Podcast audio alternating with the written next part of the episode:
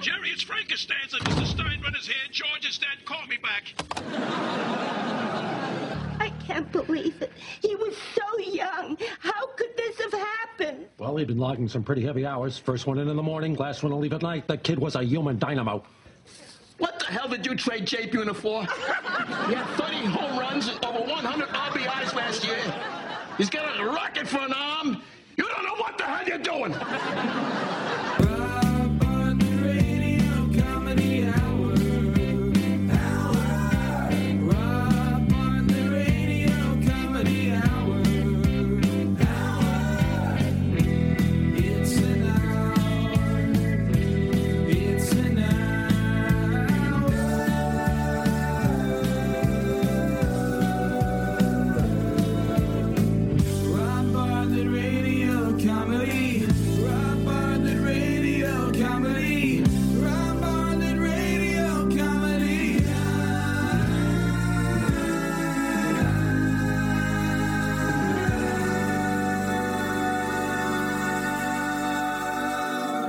Welcome to the Rob Bartlett Radio Comedy Hour. I am Rob Bartlett. This is my Radio Comedy Hour. Uh, the day I'm recording this, uh, Jerry Stiller, part of the comedy team Stiller and Meara, father of Ben and Amy Stiller, uh, passed away. He was 92. A good run, you know, unless you're 91. he was a funny, funny, funny man. I think the funniest thing he ever did was play George's father on Seinfeld, Mr. Costanza. He always made me laugh out loud when he did it. There was something about it that just killed me, continues to kill me. We led off with one of the best lines he ever had, which is the episode where um, Steinbrenner thinks George is dead. So Steinbrenner goes to George's parents' house to give him the news and his mother's crying, of course. And then you could see Jerry sitting there, and he's he's like shaking his head, and you think he's sad. And then he comes out with, "How the hell could you trade Jay Buhner?" I mean, just classic, classic, classic. Always laugh out loud. Very few comedians make me laugh out loud. Uh, Jonathan Winters, always. Eddie Murphy, David Attell, Gilbert Gottfried, Sarah Silverman, Chris Rock, Mitch Hedberg, Maria Bamford, Sacha Baron Cohen, John Mulaney, all of them laugh out loud. One person who I had the pleasure of working with a number of times on the road and here in New York, uh, who always, always made me laugh out loud, was uh, my old dear friend Vic Henley. We lost Vic last month. Um, well, well, not lost. We we know where he is. he's with Pryor and Carlin and Jonathan Winters and all the other comics who've passed, and he's making them laugh out loud. Eh, eh, the, the euphemisms we have for death are so stupid. Like when, when you say somebody is the late so and so, they're not late. In fact, it's a pretty safe bet they're not showing up anytime soon. Okay? Uh, but we do know that they're with Elijah. So one thing's for sure, they're not lost. Bought the farm is another one. I never understood where that one came from. Apparently, it was. Uh, I looked this up. I, you know, Google it. You'll you'll be shocked. It's apparently when a, when GI benefits granted after a, a soldier's death, or a settlement that came from suing the government after a fighter plane crashed into your barn. Uh, those were were payments that you could use to pay off the family farm. Our little doughboy was mustard gassed in Belgium, but at least now, thank God, we can continue to grow corn. I like the, the straightforward euphemisms for death. You know, the like took the dirt nap. That one, it's pretty self explanatory. Or went to go see Elvis. There's, there's nothing cryptic about those. Vic was one of the funniest people I ever knew and, and and blessed enough to have as a friend. He was the sweetest, kindest, warmest man I ever met, and everyone who knew him thought that, and everyone who knew him loved him. I I don't know why it's especially sad when a comedian dies. At least to me, I, I guess it's because the idea that there are so many laughs left in them. You know, when, when somebody dedicates their life into making other people happy, you know, when a comedian is done too soon, it's it's the saddest thing ever. The first comic I was close to who died before his time was uh, was Bob Woods.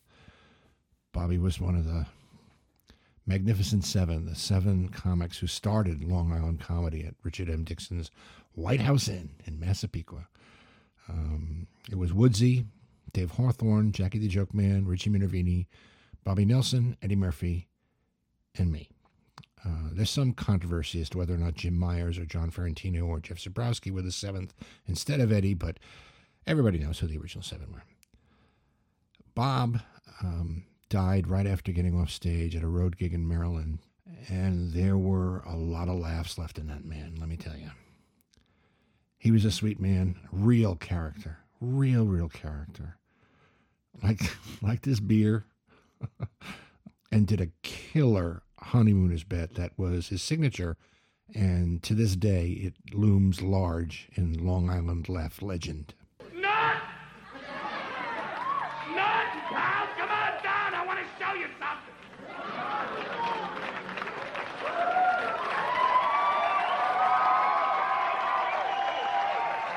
Make it snappy, Nut. Stop! What are you, a nut something? Are you trying to drive me nuts in my own apartment, Norton?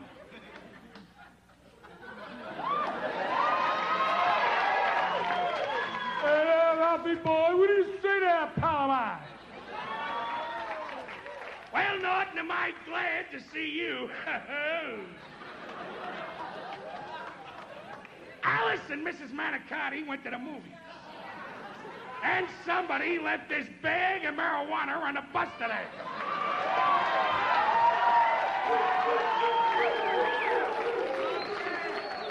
Hey, uh, Ralph, uh, is that stuff for real? Whoa, it's genuine grass, all right. That's tough to tell in these days artificial turf, Ralphie boy. Har, har, hardy, har, har.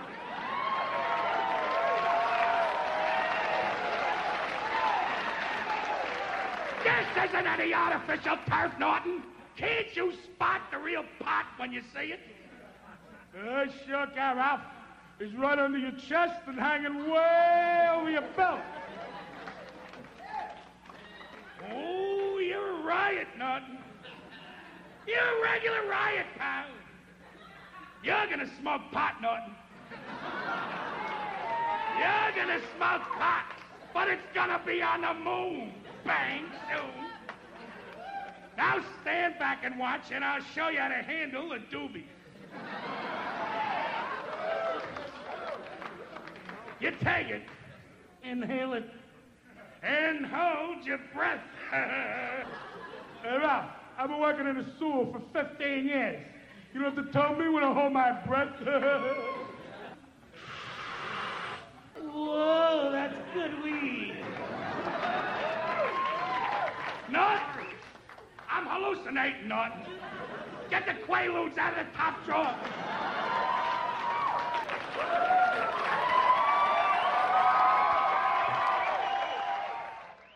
Single greatest Jackie Gleason ever. Woodsy.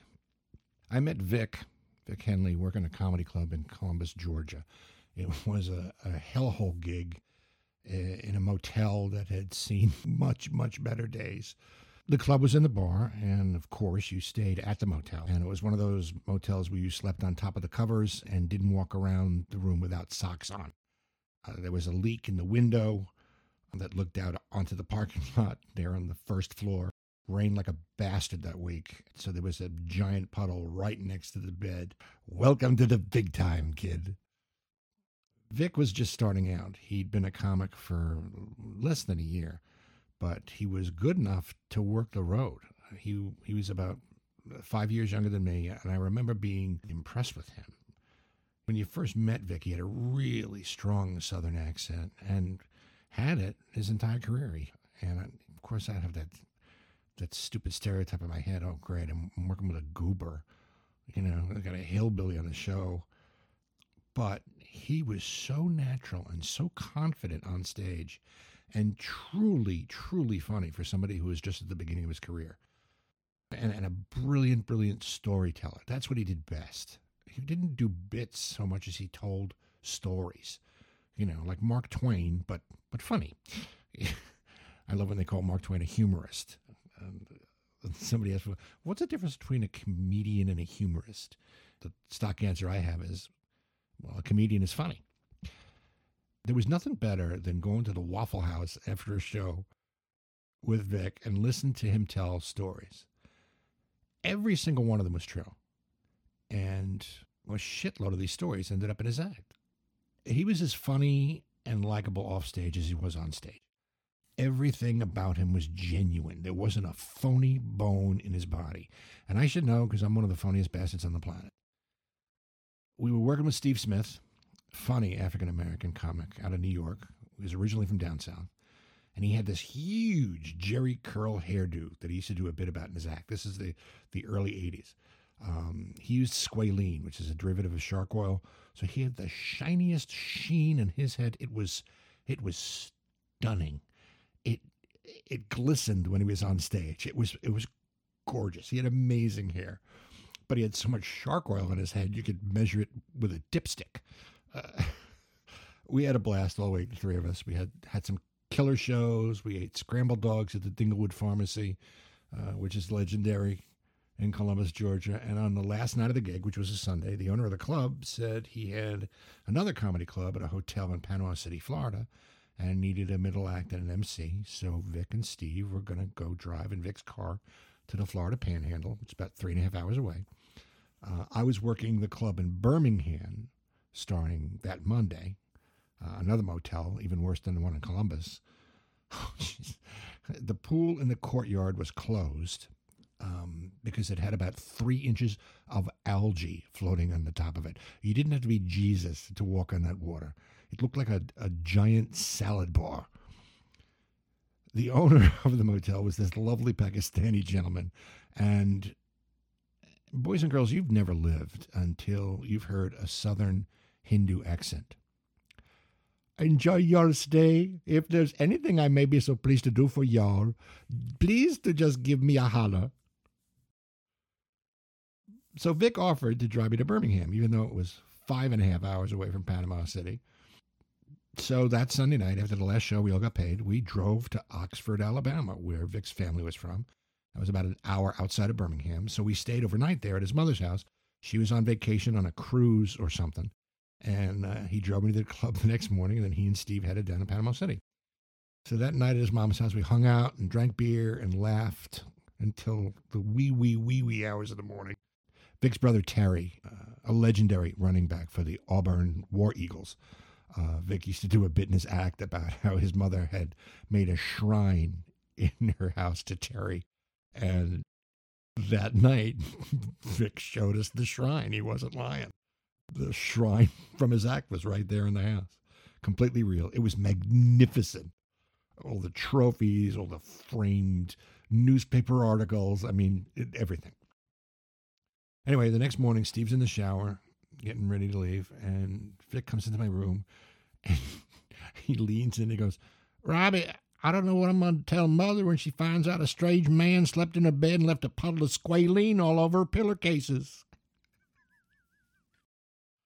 I love being on the road with Vic. We, we worked a theater in the round in St. Louis. We worked the Toledo Comedy Club, where my cousin Barbara and her family lived she invited us over for this amazing brunch that Sunday morning. Bloody Marys, eggs, bacon, Swedish pancakes, whole spread. Unbelievable cook. And uh, the last time Vic and I spoke, he reminded me of that. My, my cousin's daughter was so smitten with him. I think she was like 11 or 12. And he couldn't have been sweeter or more charming with her. When I told them that he had died, they were so sad. And they'd only met him once. And it was over 30 years ago. But that was the kind of impression that he left on people. When Vic first came to New York, I hooked him up with my manager, Gary. Um, Gary was booking a lot of comedy clubs at the time, a lot of one nighters in Jersey. It was the peak of the comedy boom in, in the 80s. Got him an audition at the comic strip, And he went to work immediately. These club owners would fly to New York and then go to the comic strip and catch, and they would see acts. And because he was such a great comic, you know, he was always working. But I think the other part of that equation was he was an even greater person. He was a total professional. He worked hard. He wasn't crazy or self destructive with booze or drugs or gambling. Many of the, the tributes to him I read on social media talked about how he went out of his way to help new comics. And he told me he was very grateful for that one stupid little favor I did for him. And he never forgot it. Every time I'd see him, I swear, every time I'd see him, which even though it'd be months or years apart between times when we were together, he would thank me for that. Robbie, I got to thank you for this apartment I'm sitting in. If it wasn't for you, I spoke to him on the phone two days before he died. We talked about a, a TV project we were going to do together. And then for the better part of an hour, we were laughing and sharing hell gig stories from the road. And uh, at the end of the conversation, he thanked me again. Before we hung up, we both said, I love you and we both meant it. He died on April 6th. Vic had a pulmonary embolism and he died in a hospital in Manhattan by himself. Uh, no one could see him because of the quarantine. It's cruel that a man who was so so loved by so many people died alone. And it's just not fucking fair. We all die I don't know why some people do way before their time. People who don't deserve to. There are plenty of assholes who should be taking the dirt nap and as soon as possible. I mean, I had a pulmonary embolism and I didn't die. Why Vic? His death wasn't due to an overdose or living a life of excess. It wasn't due to suicide, which a lot of comedians die from because it can be a lonely, sad, depressing existence. But Vic was a happy man. A happy, happy man. Hugest smile you'd ever seen. Almost as big as his heart. He had an amazing, infectious laugh. He had an encyclopedic knowledge of sports and rock and roll music. He was a great man. He loved life. And I loved him. And I miss him terribly. I'm going to leave you with a few of his stories. A couple of them are from his latest album called Hell is Real. And one of them is a story he did from one of his Comedy Central specials. It's a classic. It's the Klan story please, please listen to them. Please buy his album. I promise you, you will laugh, and you'll laugh out loud. And when you do, it will help to keep his memory alive, and it really deserves to be. Then it'll um, keep him from being late, and uh, he'll never be lost. This is my friend, Vic Henley. My granddaddy on my mom's side, he was a horrible racist pile of shit human being. And it, which is, it sucks because your grandparents are supposed to be cool. Everybody's like, "You want to go to my mom and papa's?" No, I don't want to go to my mom and papa's. Papa's a dick. I don't want to go to papa's. And it's true. And he, he fucking hated me. I didn't like him. Uh, and he lived to be 99. 10 days short of making it to 100, 99 years old, and sadly, sadly didn't get any dementia or Alzheimer's or nothing. So he was able to fucking hate right up to the end, by God. He's clocking in. He's doing his 40 hours a week, and he is focused. And so I was always arguing with him from, you know, the point that I could listen. And so, and my name is Vic, Victor, and he knows that, but he would act like he's old and can't hear, and he would call me Dick or Dictor.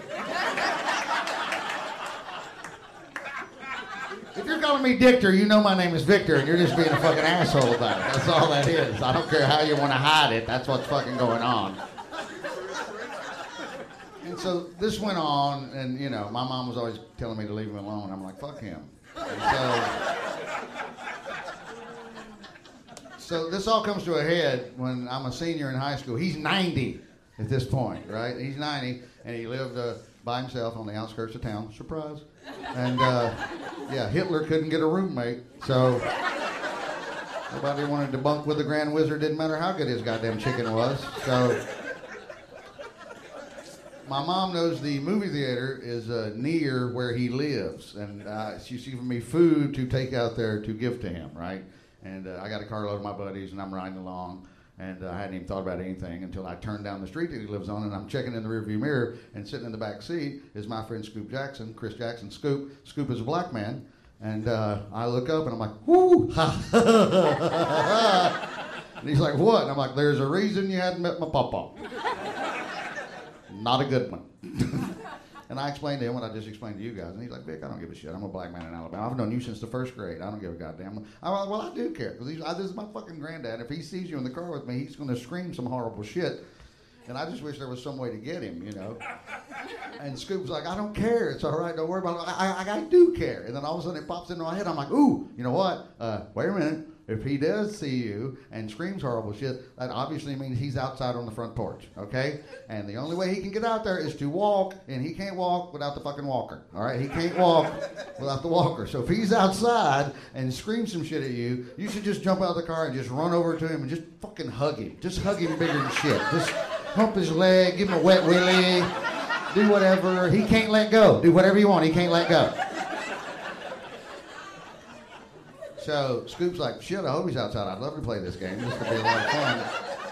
And, uh, sure enough, he's outside. So we go rolling in the driveway, and he's fucking standing there, stink eyeing the whole situation, looking around. I got the Tupperware. I'm walking over. I'm like, where do you want me to put this? And he's kind of gesturing over here, and I set the shit down on the table on his porch. And he looks over. He sees Scoop in the car, and he looks at me and he goes, "I thought I told you about running around," and screams a whole bunch of heinous racist shit.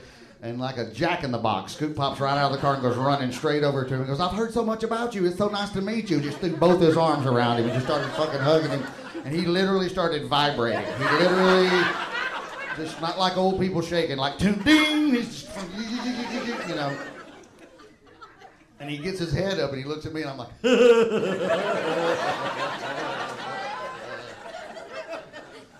so that was Friday. By Monday morning, the first bell of high school, black students that I don't even know that well at my school are running up to me in the hallway going, Take me up there and let me hug the racist. Please take me up there and let me hug the racist. And I'm like, Well, we get out at fucking 3.30, meet me in the parking lot, I'll be right down there. So, you know, he, had, he, he knew I was coming Friday. My mom had told him I had food for him, so he was expecting that trip. He had no idea that I was going to roll back in there Monday afternoon with every goddamn black person I could find. Clowns out of a car at the circus. It was just black person, black person, black person, black person. Like like a clowns out of a car times an NAACP meeting. It was just here we go, here we go, here we go. And so he's like, "Why are you doing this?" And I'm like, "I'm gonna keep doing this until you learn my name and stop screaming racist shit." All right, and it took three weeks, give or take. I didn't go every day. No, because I wanted I, w- I would skip a couple days so he would think it was over. Then I'd fucking pop back in again a couple days after that. And my mom has no idea at all any of this is taking place. None, right? And uh, I knew I had achieved victory because I'm laying on the couch watching a ball game, and my mom walks in the living room, looks at me, and she goes, "I just got a weird phone call from my daddy. He said you would know what this is about." And the message is tell Vic to stop bringing his black friends up here to hug me.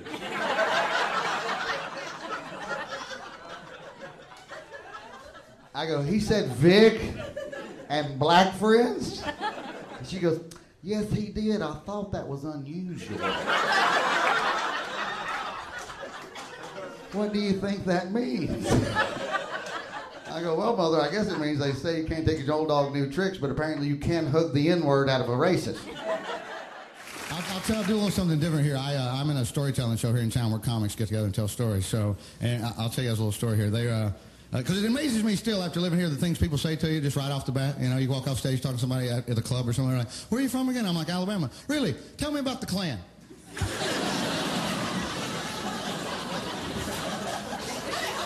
Well, pull up a chair here, my friend, and let me regale you with the fabulous, jackass.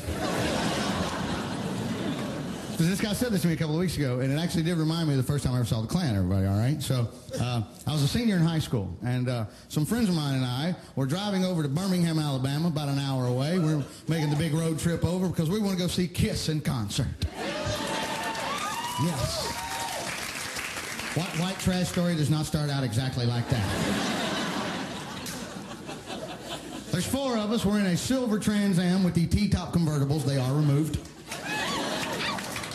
right? And, and, we're, we're everybody's carrying on. We're in the back seat. We're all liquored up, and uh, we're having a big time. Now, one of our friends is, is going with us to the Kiss concert. His uh, his name is Scoop, and uh, Scoop. Anyway, Scoop happens to be a black man, and uh, he's going with us because he cannot understand why anybody would want to go see Kiss in concert. He's a black guy. He likes rhythm and blues, musicianship, funk. He's not in. We're like, no, it's like theater. There's blood and fire, and he's like, crazy ass cracker. So Scoob was with us.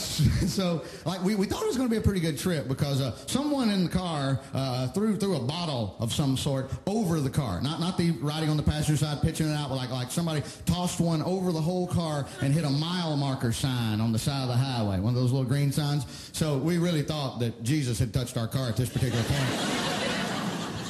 and so right, so we know it's going to be a big big trip. So uh, so we're out of uh, we're out of, uh, of, of all the goodies, and so we're going to stop at a convenience store and uh, and get some more and beer and stuff, and we need some gas. And uh, we pull off this little exit here in the middle of nowhere, and there's just a grocery store and a gas station in front of it, right? And here's four Klan guys standing in the middle of the road having a roadblock for the Klan. They got buckets. They want people to donate money to the Klan. It's like an old country, like people would have like for cancer or muscular dystrophy or any other legal charity. These jackasses are standing out there with all their Klan hood on. They have buckets on, right? They have the stuff pushed up. It's like, and it's August, so it's like 9 million degrees, 800% humidity. So not only are they racist, they're idiots.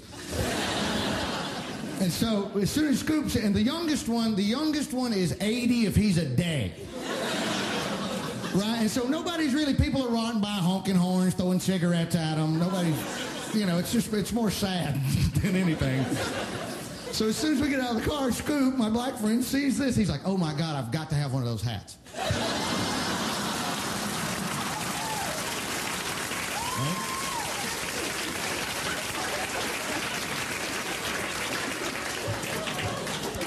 My friend that is in the front passenger seat, he is a um, four-time state champion wrestler, okay? So he's a very powerful man. So as soon as Scoop says this, my buddy goes, well, let's just beat the piss out of him and take it from him. Good God, they're 305 years old. Hell, I can take four of them. Come on. Let's strip them naked and leave by the side of the highway. Screw these guys. They're in the Klan. And, and the rest of us are a bunch of wusses, so we can, you know. I'm like, look, let's not beat the hell out of the old guys here. Here's what we should do. I tell Scoop, I'm like, look, you uh, you get down behind the, the driver's seat here. Don't let them see it. It might scare them. And... Uh, and I'm like, I'll get down behind you in the back seat here and I'll hold your feet where you won't fall out of the car, right? so the T-tops are out. The convertible is out. And I tell my brother that's driving, and I'm like, look, act like you're going to give this jackass a dollar. Here, take a dollar and wave it to him. And then when he comes over near the car, we're right by the on-ramp, you know, right? so when he comes near the car, I tell Scoop, I'm like, when he gets close to dunk the dollar, I go, you pop up, grab the hood, you hit the gas, we'll do a little snatch and grab. Right? So so Scoop is in our high school yearbook holding up the Klan hood, waving at the camera like this right here.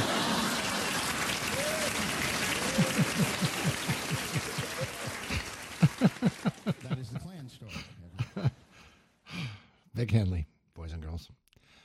Uh, stay in touch. Drop us a line at Robio Radio Comedy Hour at gmail.com.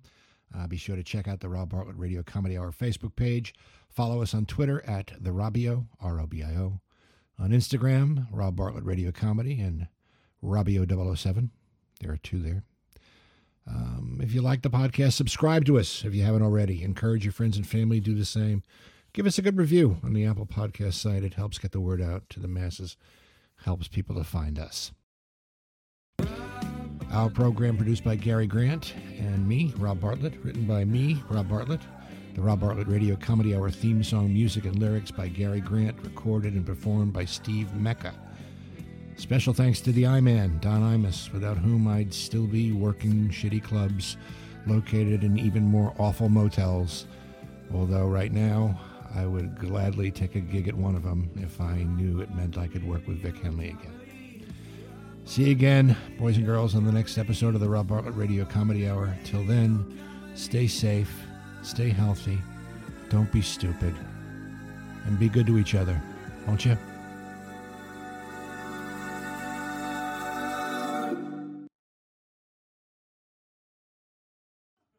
that's my favorite part about comedy, right there. It's the shit you hear. Because most of the time in comedy, you have to have an. I, get- here's my favorite one of these. This is also when I. This is when I went home last year for Christmas, and uh, my mom wants to go to the Outback Steakhouse, and uh, that was her only request is that I take her, and that's a big deal where I'm from. Uh, because there were no chain restaurants when we were growing up there. There was nothing. There was only when I grew up. Uh, there was a Waffle House and a Holiday Inn and Ignorance, and then seven or eight years ago, the area got so big that they built a new shopping exchange, and it really is an exit now. And all the stores came in, so the Walmart turned into a super Walmart, and there's Home Depot and Lowe's and Target and TJ Maxx and TGI Fridays and the Olive Garden and Red Lobster and Cracker Barrel and Sonny's Barbecue and Longhorn Steaks and Krispy Kreme donuts and yeah, they, these hillbillies just been masturbating outside ever since they. They can't believe their good fortune. It's right there. It's right there. They don't have to travel. They don't have to travel anymore. It's just jazz hands and spirit fingers every night. It's prom night Snoopy dancing. They are so goddamn happy that it, look, it's just woo, you know. So there's little old Baptist women that just hover in front of the Olive Garden because they really believe the free salad and breadsticks are the work of the Lord. There's like little old 80 year old Baptist women just hanging out in front of the olive. Remember in the Bible when Jesus took the one loaf and he turned it into another loaf and another loaf and another loaf and another loaf? This is the work of Christ. I don't know how the salad comes into play yet. Because in the Bible it was fish. It was fish and loaves, fish and loaves, fish and loaves. I'm not sure about the salad, but the bread is clearly the work of the little baby Jesus. So, and the whole thing, this was a whole, I couldn't even, by the time I got inside the, I'd already asked my mom a thousand questions because she's really bragging on the whole thing. And she kept saying the Walmart's a super Walmart. And I'm like, well, okay, I'll buy. What's the difference between the regular Walmart and the super Walmart? And she's like, hello, 24 hours, mister. And I'm like, you don't drive at night. What the fuck has that got to do? You're 85 years old. Are you gonna wake up? I need baby powder and a can of spam. Let's go right now. I got to get over to Walmart. And so she's like, don't tease me. And, and I'm like, she was like, well, there's more to it than that. I go, well, okay, besides 24 hours, what makes it a super Walmart? She goes, well, she goes, there's a bank. There's a bank and a Little Caesars and a McDonald's inside the Walmart. I don't know how they do it. And I'm like, well, it's a little thing called square footage. So, but that, by that theory, I'm like, okay, so you're telling me the main thing that makes it a super Walmart is because they have put other businesses inside the Walmart. That's one of the right. And I'm looking at the super Walmart, and over here was a Cracker Barrel, and over here was a Chick Fil A. And so I look at my mom. I'm like, okay, based on this theory, then I think you and I. What we here's the idea: uh, we take a Chick Fil A, we put that inside the Cracker Barrel, and then we put both those inside the Walmart. If you took a Chick fil A, put it inside a Cracker Barrel, put both those inside the Walmart like a little redneck turducken hillbilly nesting doll of some sort, then I think you put a Chick fil A inside a Walmart, inside a Cracker Barrel, you could create a vacuum that would suck the state of Mississippi out of existence. You guys like the Chick fil A? Everybody likes the Chick fil A. Do oh, you like the Chick fil A? You know why it's so good? You know why it's so good? They cook with hate. True. A lot of people, the celebrity chefs on TV, they're like, my food is good because I put love in the food. I cook with love. That's the key to a good meal. Well, here at Chick fil A, we've decided that hate is way more scrumptious. we create an emulsion of hate. We broadcast old Hitler speeches directly into our chicken as a marinade. And then we have giant oscillating fans, and we tear up pieces of Klan literature and drop it right in the breading, and we create an infusion of hate. And you have not had a chicken sandwich, my friend, until you've had a hate-infused chicken sandwich. Mm-mm, mm-mm, mm. Closed on Sunday.